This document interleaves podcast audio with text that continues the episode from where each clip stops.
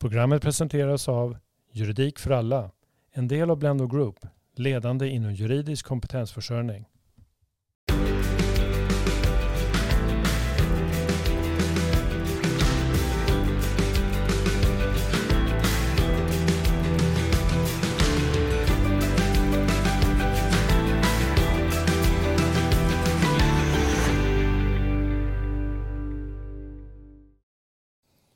Sådär, då säger vi välkomna till eh, ännu ett avsnitt av Juridik för alla-podden och eh, det som nu blir vår tredje poddserie och den har vi döpt till Dina barn. William Eriksson heter jag och är som vanligt programledare och med mig, precis som i de första två poddserierna, så har jag Kristin Håkansson och Stefan Wahlberg. Ni är varmt välkomna.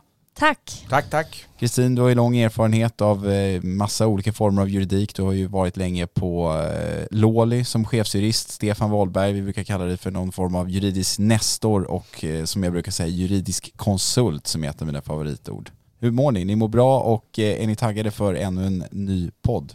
Otroligt taggad. Ja, men det känns väl som ett ganska intressant ämne i, i vardagen. Barn är ju alltid allstädes närvarande i vår tillvaro. Ja men de är ju det och eh, en första fråga att ställa som vem som helst av er får svara på det är väl egentligen, alltså vad är ett barn rent juridiskt? Kan vi reda ut det här?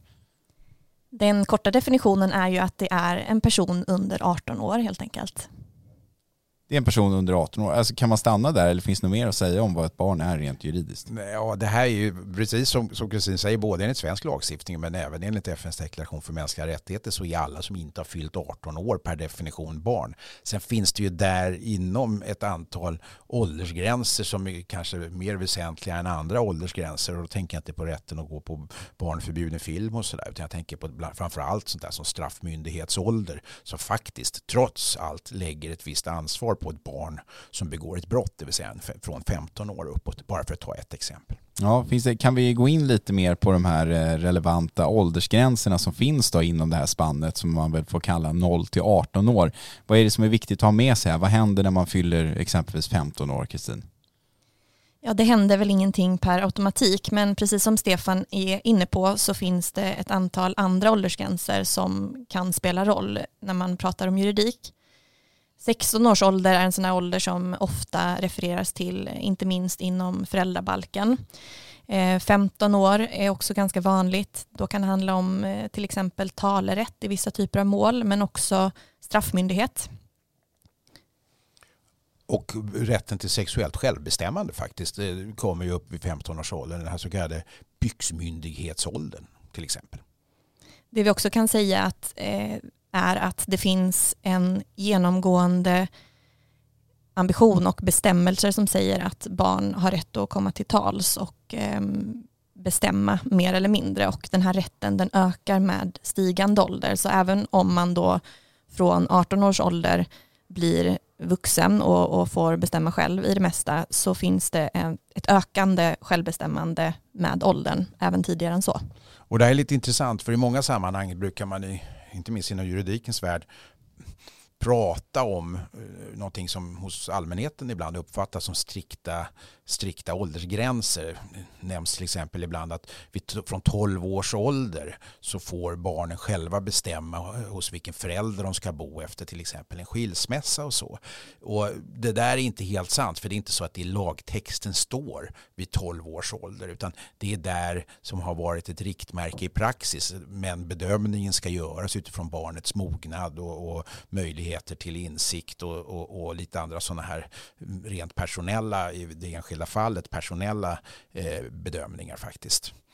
Sen, sen, sen, tror jag att det är viktigt också att understryka i de här sammanhangen att det, det absolut mest formella i, i den här eh, 18-årsgränsen är, är, just det man brukar kalla för rättshandlingsförmåga eller rättskapacitet, vilket är ett sånt där tråkigt eh, juridiskt ord, men som kort och sammanfattningsvis betyder att grundregeln, så kan vi väl säga Kristin, är att en person som inte har fyllt 18 år får inte ingå eh, avtal hur som helst och speciellt inte om sånt som är allvarligare än att man då utifrån sin ålder kan inse konsekvenserna av det och så vidare. Det vill säga avtal som ingås före 18 års ålder är som grundregel eh, inte giltiga. Men det här blir ju intressant då, för det vi har nyligen konstaterat här är att man kan dömas till fängelse exempelvis om man inte är 18 år. Men man kan inte ingå ett avtal om ett mobilabonnemang innan man har fyllt 18 år. Är inte det en lite märklig ordning? Jo, det, det kan man tycka och det är en politisk fråga ytterst. Om, nu ska vi säga att det krävs synnerliga skäl för att kunna döma ett barn mellan 15 och 18 år till fängelse.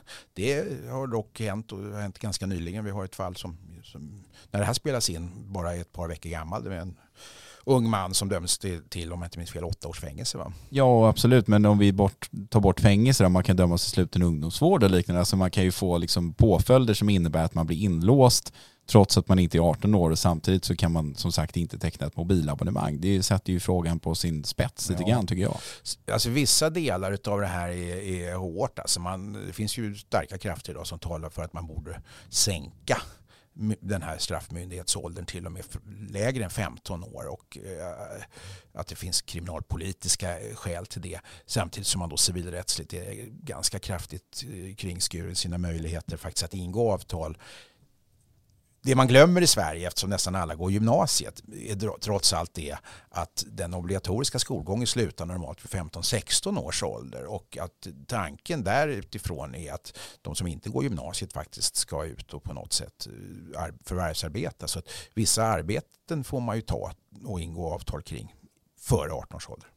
Okej då Kristin, men för, nu har vi pratat en del om barn, vi har pratat om viktiga åldrar och definitionen av barn och sådär, men för att barn ska komma till så krävs det ju att det finns eh, föräldrar. Och då kommer vi in på det här med vårdnadshavare och sådär. Då är ju en naturlig fråga, vem är vårdnadshavare och vad innebär det juridiskt sett att ha vårdnaden om ett barn? Bra fråga. Eh, som utgångspunkt så är det barnets föräldrar som är dess eh, vårdnadshavare. Om ett barns föräldrar är gifta med varandra eh, när barnet föds så blir båda föräldrarna vårdnadshavare. Och om de inte är gifta så är det mamman som blir ensam vårdnadshavare. Om man vill få till en ändring i vårdnaden så eh, kan man få till det genom antingen avtal mellan föräldrarna eller genom en dom. Det vill säga genom att en domstol fattar beslut i frågan. Innebörden av vårdnadsansvaret eh, det handlar om att man har ansvar för vad som kallas för barnets personliga förhållanden. Eh, man ska se till att barnens behov blir tillgodosedda. Man svarar för att barnet får den tillsyn som behövs. Eh, och då tar man hänsyn till bland annat barnets ålder, utveckling och övriga omständigheter. Man ska också bevaka barnet ehm, och se till så att den får, eller det får tillfredsställande försörjning och utbildning. Eh, och också bevaka barnet i syfte att hindra att barnet orsakar skada för någon annan ehm, och ha uppsikt och vidta andra lämpliga åtgärder som krävs. Det är också så att vårdnadshavaren har både rätt och skyldighet att bestämma i frågor som rör barnets personliga angelägenheter och ehm, ska helt enkelt fatta beslut för barnets vägnar. Det här är intressant. Eh, en fråga som jag bara bollar lite på uppstuds här till dig Stefan som aktualiseras det senaste året. Om man är två vårdnadshavare som har ett barn och man har skilda åsikter om exempelvis eh, ett coronavaccin, om det är bra eller inte. Om det är två vårdnadshavare, kan en av vårdnadshavarna besluta att barnet ska ta vaccinet även om den andra inte godkänner det så att säga? Grundregeln är, att svaret är nej, därför att hälsofrågor som är då av betydelse för barnet skall kommas överens om i samråd och med, med konsensus mellan föräldrarna. Jag skulle till och med vilja gå så långt och säga att det, det är en av de grunderna som kan föreligga eh, för eh, att en domstol ska döma ut eh, enskild vårdnad till en, en förälder. Det vill säga har du olika uppfattningar om hälsofrågor som är av väsentlig betydelse och det inte går att lösa på ett snyggt sätt så kan den ena föräldern alltså få enskild vårdnad. Det är ju ändå, eh, eh, är det av det du sa här Kristin tidigare, det här med liksom medicinsk vård och liknande, allt det här ansvaret, kan det vara så att man liksom måste ge sina barn eh, liksom näringsriktig mat så att de, deras fysiska utveckling fortsätter i den takt det ska och så vidare. Och så vidare. Är det den typen av ansvar som, som faller på en vårdnadshavare när man har barn? Ja, det kan man väl säga i och för sig, men, men ursäkta, juridiken här sätter ju ramarna eh, och går ju inte in och detalj, detaljstyr i liksom, specifika fall. Men generellt sett så kan man säga att föräldrarna ska agera i enlighet med barnets bästa. Och sen hur långt man väljer att dra det, det varierar lite från fall till fall.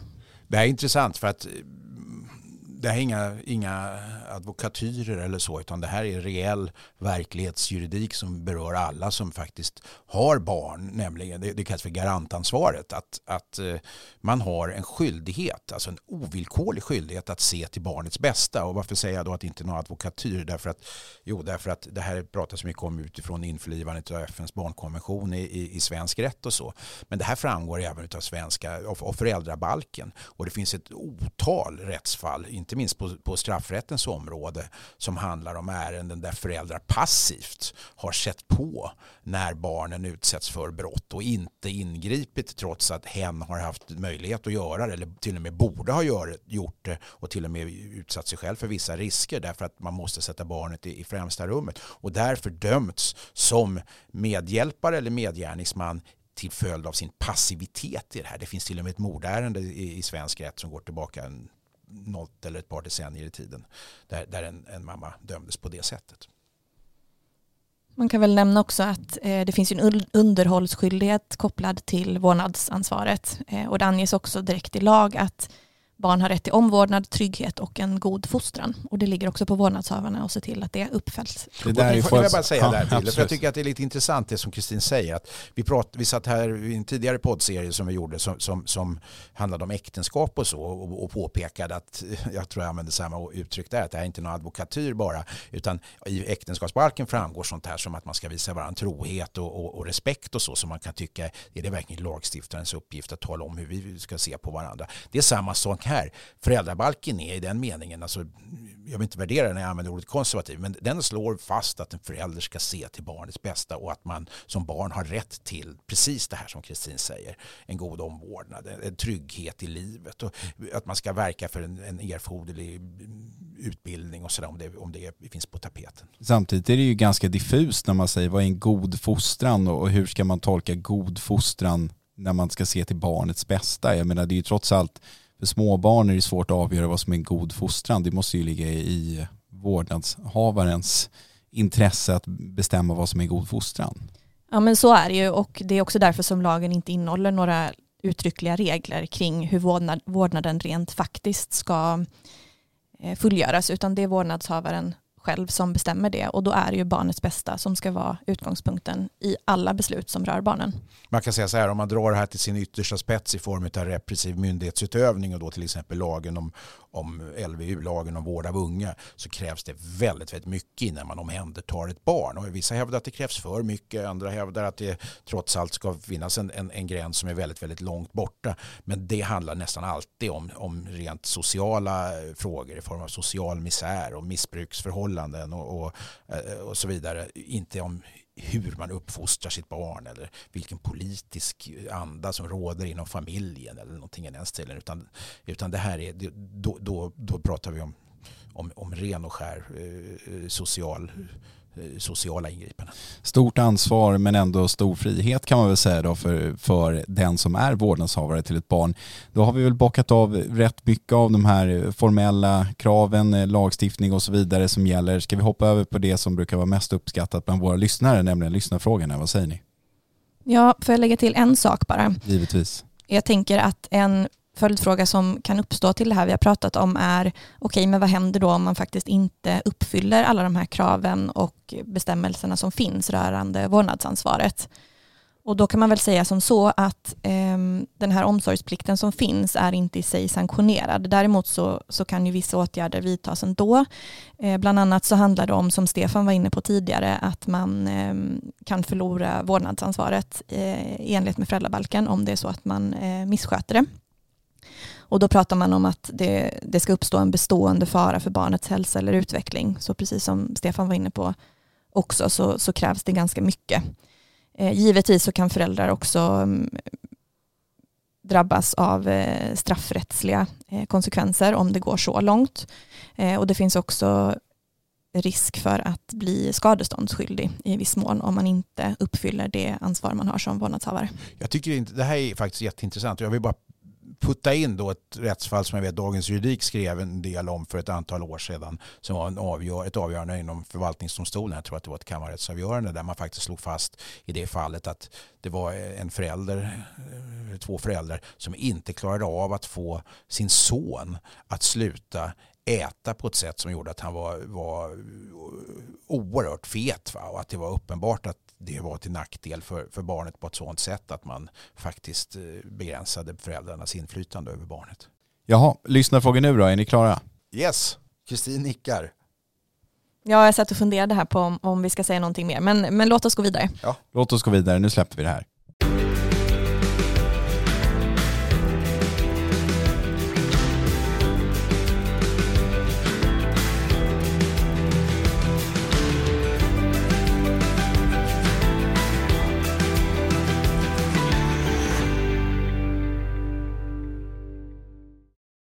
Sådär, eh, vi kliver på som vanligt. Vi försöker beta av dem i rask takt så att vi hinner med så många som det bara är möjligt på den här förhållandevis korta tiden som vi har och då lyder första frågan så här. Hallå där, min 13-årige son har handlat datorgrejer för över 15 000 spänn på nätet och har naturligtvis inte råd att betala. Nu har det här företaget kontaktat oss och kräver att vi ska betala. Annars ska de nämligen gå till Kronofogden och då är frågan, måste vi betala? Ja, här återkommer vi till frågan om att barn, det vill säga personer under 18 år, saknar rättshandlingsförmåga och därmed inte kan åta sig förbindelser. Eh, att åta sig förbindelser innebär till exempel, precis som i det här fallet, att ingå ett avtal som innebär en skyldighet att prestera något, det vill säga betala. Eh, ett sånt här avtal om, om köp då, som det rör sig i det här fallet, är ett tydligt exempel på ett sånt avtal som innebär att båda parter åtar sig eh, förbindelser och är därmed som utgångspunkt inte giltigt om den ena parten är, som i det här fallet, 13 år. Men Stefan, då kommer min nästa fråga till dig här och då är det så här, nu för tiden är det ju vanligt att folk har smarta telefoner, man har någon sån här App Store eller Sam Samsung eh, Store eller vad det kan heta för någonting. Man kanske lånar sin förälders mobil och betalar massa så här flerstegsgrejer i något spel eller liknande och då är det ju förälderns konto så att säga, då är det föräldern som ingår i det här avtalet. Är det föräldern då som är skyldig att betala? Nej, alltså det här, det här blir bevisfrågor i slutändan. Därför att om det är barnet som sluter avtalet och inte föräldern så är det, det barnet som är avtalsslutande part. Och, och precis som Kristin sa, då är inte avtalet giltigt. Det är inte så att det finns en skyldighet, eller fel, det, jag, ska inte, jag ska säga så här, det är inte så att det handlar om huruvida företaget var i god tro eller inte. Utan det är så att en person som inte har rättshandlingsförmåga kan inte och får inte ingå avtal. Då är avtalet ogiltigt. Men i det här fallet så det, kan det ju bli knepigt därför att det blir en bevisfråga kring vem egentligen är, är avtalsslutande part. Va?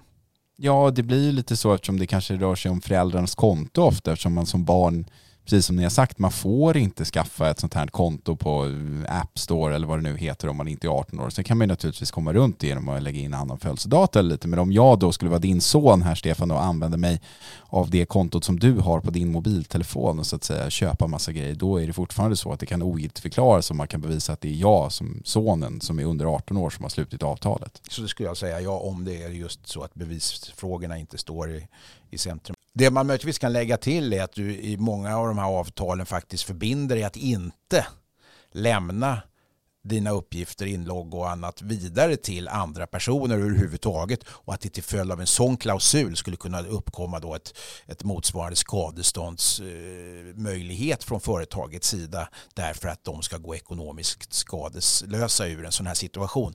Eh, så skulle man möjligtvis kunna tänka sig, men då är vi lite grann utanför själva huvudfrågan här om att barn per definition inte kan ingå avtal av, av, av, den här karaktären. Om vi går tillbaka till själva huvudfrågan då Kristin, hur ska man agera som förälder i den här situationen när, när ett företag hotar med Kronofogden? Vad, vad gör man?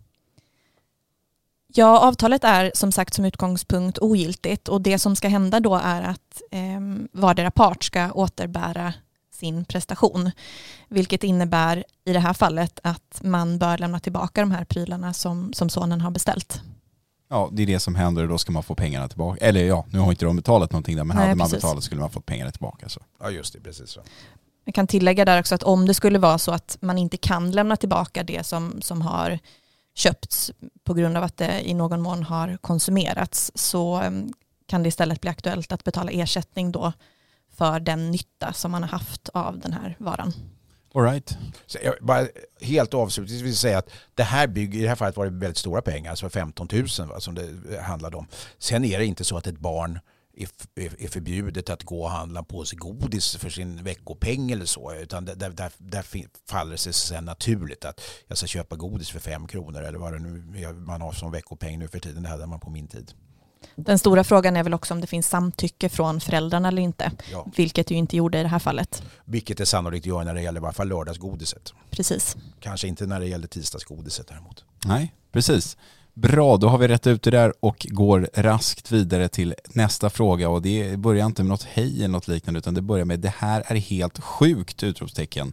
Jag och min sambo ska få barn om bara några månader och nu har jag fått information från SOS, alltså socialnämnden, om att jag måste gå dit och lämna ett faderskapserkännande samt att min sambo måste godkänna att jag är barnets far. Lever vi på 1800-talet eller Kristin? Ja, men jag kan ändå tycka att det här är en befogad fråga. Men ja, det stämmer faktiskt. Att Ehm, vi lever på 1800-talet. Nej, inte det, men eh, att, att det är det som krävs. Eh, Det finns nämligen en faderskap, faderskapspresumtion i lagen, men den gäller endast om mamman och pappan till barnet är gifta. I alla andra fall i princip så behöver faderskapet bekräftas antingen genom en faderskapsbekräftelse som sker just via SOS eller dom. Det här är ju faktiskt intressanta frågor därför att man kan säga att i, den, i det fall en, en, en mamma då, till barnet vägrar så är det idag oklart vad som egentligen gäller. Man har å ena sidan en stark praxis historiskt i Sverige om att det finns ingenting för den här mannen att göra. Man kan inte liksom ställa krav på det sätt som till exempel en mamma kan göra när hon kräver att en viss pappa ska, ska faderskapstestas testas eh, genom idag DNA-analys. Va? Men om pappan eller fel, om mannen påstår att han är pappa till barnet så finns det inte de möjligheterna eh, till, till, till, till, tvång när det gäller eh, till exempel DNA-test. Nu har man då utifrån barnkonventionens införlivande i svensk rätt diskuterat just den här frågan och säger vad är barnets bästa i det här? Jo, barnets bästa är alltid, eller inte alltid, men utgångspunkten är i varje fall att, att ha tillgång till båda sina föräldrar och eh, det är intressant att se vart det här tar vägen. Så ni menar att syftet med det här är att, att man gör det för barnets bästa helt enkelt? Det är, från allra första början tror jag att den här lagstiftningen är, är rent konservativt tillkommen. Eh, Människor var gifta när de fick barn tidigare om de inte var det så utgick man ifrån att, att eh, pappan då av någon konstig anledning inte ville kännas vid sitt barn och därför kunde man då eh, tvinga mamman att, att eller för- förlåt men mamman kunde tvinga en man att lämna ett, ett faderskapstest för att se om han är pappa men inte tvärtom. Och vad händer om man, om man vägrar då? Om man inte gör det här? Du menar som man? Ja. att det kan ske tvångsvis eh, på, inom ramen för vanlig, proportionalitets, en vanlig proportionalitetsbedömning naturligtvis. Du kan liksom inte använda hur mycket våld som helst. Och så, här, men det, det, i princip så kan du tvingas att inställa dig till det. Men det här, det här blir intressanta frågor därför att vi lever i, som sagt, lever vi på 1800-talet frågade sig den här brevskrivaren. Eh, och eh, av praktiska skäl så, så har det blivit på det här sättet. Men jag, jag tror ju, och det har ju diskuterats, om man ska se över det så att det kan ske på ett annat sätt än, än att man då måste gå i faderskapserkänna respektive. Det kanske kan ske direkt på, på förlossningsavdelningen eller BB att man på något sätt fyller i både modern och faderns identitetsuppgifter. Det har jag inget svar på, det finns ingen lagstiftning på det ännu men det har diskuterats. Det vi kan säga också, eh, om vi ska gå på lite mer eh, formella frågor här, det är att en sån här bekräftelse av faderskap som vi pratar om, det ska göras skriftligen eh, och den ska också bevittnas av två personer. Ehm, den ska godkännas av både socialnämnden och av mamman. Och socialnämnden får lämna sitt godkännande, godkännande till en sån här bekräftelse endast om det kan antas vara just den här mannen som bekräftar faderskapet som också är far till barnet. Ja, så det finns lite juridik där också helt enkelt. Det är inte bara att bli förälder hipp som happ utan eh, här finns det saker som man måste både bekräfta och få bevittnat och allt möjligt. Ja, och dessutom ser det, eh, det kanske försvann lite grann det Kristin sa inledningsvis att, att den så kallade faderskapspresumtionen finns där när ett eh, par som får barn är gift. Va? När, när, då behöver man inte ge ett faderskapserkännande utan då presumeras alltså ut, utgångspunkten att den en kvinna gift med är far till barnet och det må ju vara i de absoluta majoriteten av fallen så men man behöver inte vara, gå jättelångt för att säga att det finns fall där det inte är så där pappan ändå har, har då, eller rätt sagt mannen har blivit pappa kanske trots att han inte är det biologiskt. Ja men och det är väl det som känns lite omodernt i den här frågan, att, att man gör så stor skillnad på om man är gift eller sambo. Å andra sidan så är inte det konstigt med tanke på vad vi har pratat om i de tidigare avsnitten när det gäller allt möjligt. Ärva saker eller leva ihop och sådär. Det är olika regler och så. Så det förvånar mig inte med tanke på vad jag har lärt mig av er två tidigare. Ska vi gå vidare till nästa fråga eller vad säger ni? Ja, och då vill jag bara avslutningsvis för det här som en Nej. liten replik på vad du säger Ville, säga så att det här är alltså resultatet av att, att, staten, en gång i tiden även kyrkan, vill värna kärnfamiljen. Det vill säga man vill uppmuntra till eh, äktenskapets ingående och att barn skaffas först inom äktenskapet och så. Det är den, den rättshistoriska bakgrunden. Nu får du prata Bill. Bra, då går vi vidare och då spränger jag in en annan liten fråga som, som eh, vi inte har pratat så mycket om och som kanske inte låg i det här grundutförandet i den juridiska konsultens manus här. Den handlar om adoption och då är frågan Kristin, om man är ett gift par exempelvis och det är en av det här parets, alltså en av de två personerna som vill adoptera och den andra vill inte adoptera. Kan man adoptera som ensam person om man är gift med någon annan? Nej, huvudregeln är att om man är gift eh, eller sambo så får man bara adoptera gemensamt. Eh, undantag gäller dock om det är så att man med sin make eller sambos samtycke vill adoptera hans eller hennes barn. Eh, men, men huvudregeln eh, om det är ett utomstående barn så att säga, då, då är den att man endast får adoptera gemensamt. Så låt säga då, vi fortsätter på samma exempel som tidigare, att jag skulle vara Stefans son och eh, ni skulle leva ihop så skulle du själv kunna fatta beslutet att adoptera mig? Ja, alltså det förutsätter medgivande från mig ja, som är ja, din naturligtvis, far. Naturligtvis, ja. Ja. Ja. Men hade ni varit gifta och bara Kristin vill adoptera mig men Stefan vill inte adoptera mig så kan inte Kristin göra det själv. Precis. Motsatsvis kan, kan nämnas också att för andra än sambor eller makar så gäller det motsatta. Det vill säga att de inte får adoptera gemensamt. Däremot kan man ju som en ensamstående adoptera. Det där är också intressant, så man kan liksom inte gå ihop två kompisar och adoptera mm, ett barn exempelvis och sen köra varannan vecka boende eller något sånt. Nej. Nej, i princip inte. Sen tror jag vi ska säga också i sammanhanget att adoption är eh, i, i princip, det finns inga undantag så vitt jag känner till. Är du adopterad så är du i en situation, du och dina adoptivföräldrar, som om det vore ett biologiskt barn. Jag, jag vet ingen annan undantag än så i svensk rätt. Va? Ett adopterat barn har exakt samma arvsrätt och, och, och, du har som förälder samma skyldighet utifrån vi pratade om tidigare enligt föräldrabalken och så vidare. Medan då ett fosterbarn till exempel inte alls har några sådana rättigheter eh, när det gäller till exempel arv och, och, och, och få delaktighet i det. Vilket ibland man hör fall där man säger ja men jag hade någon halvbror eller han var egentligen nog adopterad eller om han var fosterbarn. Jag vet inte riktigt vad som gäller där men det är en jätteskillnad om det var en adoptivbroder eller om det var en, ett foster, en fosterbroder. Va? Ja, rent juridiskt blir ju skillnaden stor där. För det är precis som Stefan säger att den som har adopterats den ses rättsligt som adoptivförälderns barn och inte som barn till eh, de tidigare föräldrarna. Okej, bra. Då har vi rätt ut här. Innan vi går in på nästa fråga tänkte jag bara kolla med er. Tror ni att det finns någon annan podd i hela världen där orden i princip eller som huvudregel används med samma frekvens som i den här podden? I princip inte. Nej, Nej inte enligt huvudregeln i alla fall. Nej. Okej Stefan, här är en fråga som eh, när vi snackade lite innan här, den är som gjord för dig sa Kristin och då ställer jag den till dig följaktningsvis. Den lyder så här, det är en kvinna som har en dotter som går i nian i grundskolan och förra veckan eh, blev puttad på skolgården så att både hennes eh, telefon och laptop pajade för hon hade dem i sin väska och så landade hon på dem och etc. etc. Nu vägrar de här killarnas föräldrar att betala för skadorna som uppstått på både mobilen och laptopen och då undrar den här mamman vad hon kan göra åt saken. Ja, alltså till att börja med är det så här att skadestånds, eh, skadestånd kan du bli skyldig att betala även som barn. Och det är faktiskt så att det kan gå ganska långt ner i åldrarna. Det är lite grann beroende på, på hur, hur, hur, din mognad och så ser ut. Men det här är högstadiemänniskor. Och då är det faktiskt så att skadeståndet ska ju primärt rikta sig mot den som är skadevållande, nämligen i det här fallet de här äh, klass, klasskamraterna till den här flickan. Men sen är det så att i det fall att, som det här skulle bedömas vara utgöras av ett brott, va? Eh, vilket det skulle kunna vara. Det kunde vara någon form av misshandel eller ofredande eller så.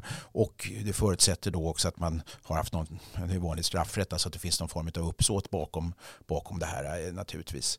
Så, så finns det sedan en tid tillbaka en bestämmelse i, i skadeståndslagen som faktiskt gör att föräldrar kan avkrävas en viss andel av skadeståndet. Och dock högst satt till ett visst belopp som jag inte kommer ihåg som ska betalas för brott som barnet begår. Så att skulle det här kunna bedömas som ett brott, vilket det skulle kunna göra, så kan föräldrarna tvingas att betala åtminstone en andel av skadeståndet, men resten av anspråket får riktas då emot i det här fallet klasskamraterna. Det kan ju bli rätt mycket pengar. Jag menar vad kostar en eh, ny iPhone idag? Kostar 15 000 och laptop kan ju kosta upp till 50 000. Så då menar du att då skulle egentligen barnen här kunna bli skadeståndsskyldiga för ett belopp som hamnar någonstans mellan 25 och 30 000 kronor? Ja, om de har varit oaktsamma, vilket är grundregeln enligt svensk skadeståndsrätt att du ska ha varit eh, i det här sammanhanget och, och, och åtminstone haft en någon form av insikt i att det här kunde leda till en, till en skada men ändå företog gärningen. Va? Då, då har det ju varit oaktsam.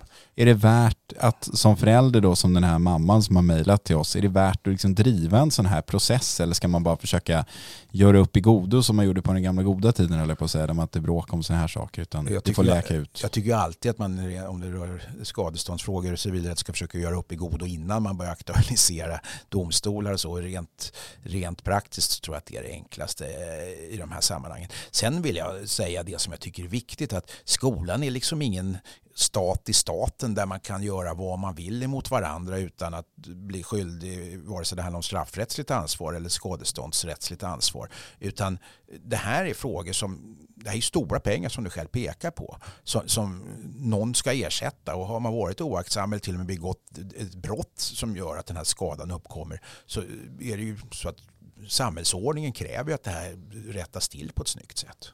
Okej, har du någonting att tillägga Kristin eller ska vi gå vidare?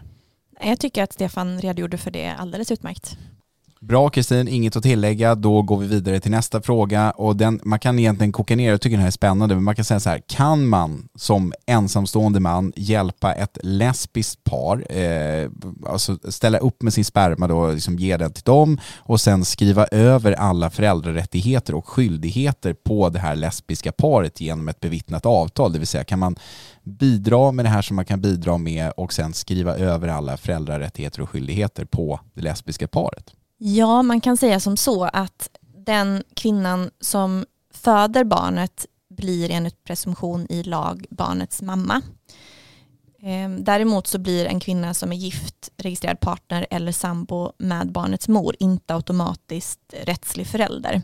Utan i det fallet så behöver det ske en bekräftelse, precis som vi pratade om faderskapsbekräftelser tidigare. Och genom det så, så kan en kvinna eh, som är då makaregistrerad partner eller sambo till barnets mor registreras som förälder, rättslig förälder. Ja, det där är intressant när man tänker på det ur ett något senare perspektiv. Men om man backar lite till den här mannens initiala fråga så är det faktiskt så att eh, han kan inte bli av med, inom citationstecken, sitt faderskapsansvar om den här inseminationen med hans sperma sker låt säga i, informella, i ett informellt sammanhang eh, eller att den sker utanför en klinik som är akkrediterad och auktoriserad att ha eh, den här typen av inseminations eh, vård eller insatser att den får genomföras. Det, det krävs tillstånd från, om jag inte minns fel, Socialstyrelsen för att få göra det. Och om inseminationen görs utanför den reguljära vården då är det så att han kan inte genom ett avtal avtala bort sina då, som han själv skriver, rättigheter och skyldigheter som förälder till det här. Va? Okej, så du menar att det här kan man liksom inte bestämma två parter emellan och, och ha ett regelrätt samlag och sen så bara avtala bort skyldigheterna och rättigheterna. Nej, och du kan inte heller då, för att bli lite risk för att bli lite intim här, om det nu är ett lesbiskt par och, och sådär så kanske det är inte så att man ens vill ha ett regelrätt samlag utan det kanske är så att man genom egen någon form av slang och sådär som kan användas ser till att kvinnan blir gravid genom det som liknar en laboratorieinsemination med, med annans sperma. Och det spelar liksom ingen roll hur det går till ska jag säga, utan det intressanta är att om det sker utanför den reguljära vården så, så är du ansvarig som, som, som pappa. Däremot är inte en spermadonator ansvarig om han under ordnade former lämnar sin sperma. Det här är inte helt okomplicerat får man ändå lov att säga. Alltså, det här var saker som jag inte hade någon aning om. Nej, vi kan väl tillägga det att um, enligt lagen då om en sån här föräldraskapsbekräftelse ska ske eh, för kvinnan då, eh, då krävs det att den assisterade befruktningen har utförts i enlighet med sjätte eller sjunde kapitlet i lagen om genetisk integritet eh, eller vid en annan behörig inrättning i utlandet. Så det är precis det här Stefan är inne på också, att det krävs det, det, vissa förutsättningar behöver vara uppfyllda för att en sån här bekräftelse ska kunna ske. Det krävs också samtycke från eh, den här moderns maka, registrerade partner eller sambo till behandlingen då. Eh, och det krävs också att det med hänsyn till samtliga omständigheter är sannolikt att barnet har tillkommit genom just den här behandlingen. Och det finns eh, även i det här fallet, eh, i sammanhanget, eh, rättsfall från Sverige där vi för ett antal år sedan hade ett väldigt uppmärksammat ärende där som påminner väldigt mycket om det här.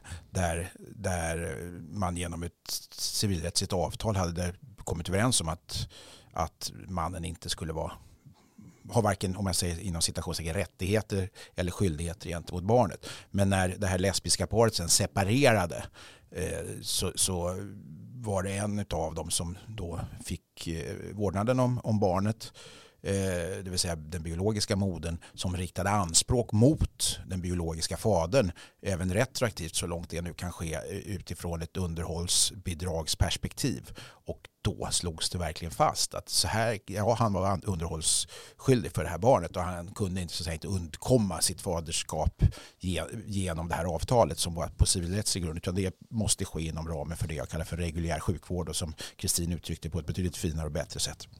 Okej, bra hörni. Det var den sista lyssnarfrågan som vi hann med i det här avsnittet. Det första i eh, poddserien som heter Dina barn. Vi har ju pratat om eh, vad är den juridiska definitionen av barn, vad är den juridiska definitionen av vårdnadshavare. Vi har pratat om eventuell skadeståndsskyldighet för barn. Vi har pratat om inseminationer. Vi har pratat om allt möjligt. Är det någonting till sist här Kristin som du skulle vilja tillägga eller ska vi bara släppa det här och eh, låta våra lyssnare reflektera över vad de har hört och sen så lyssna på avsnitt två? Jag tycker att vi kör vidare. Jag tycker också att vi ska köra vidare med den lilla, lilla avslutning, möjligtvis avrundning. Att det, det är inte juridik utan det är så här allmän livskunskap. Men ändå, alltså att att skaffa barn. Jag har själv vänner som har sagt så här, vi ska skaffa barn men det kommer inte påverka våra liv på något sätt utan vi ska fortsätta som vanligt och barnen får följa med. Det funkar inte så att skaffa barn. Det är ett stort ansvar att skaffa barn och det, med detta följer då rättsliga förpliktelser som vi har pratat om här idag. Då fick vi lite juridisk avslutning trots allt. Toppen. Bra, tack så jättemycket Kristin, vår eh, expert på alla typer av juridiska frågor. Tack så också Nestorn, juridiska konsulten Stefan Wahlberg och eh, tack Och tack Ville. Eller hur? Det glömmer man lätt bort sådär. Vi hörs alldeles snart och då ska vi prata vårdnadstvister och umgängestvister. Hej! Hej då! Hej.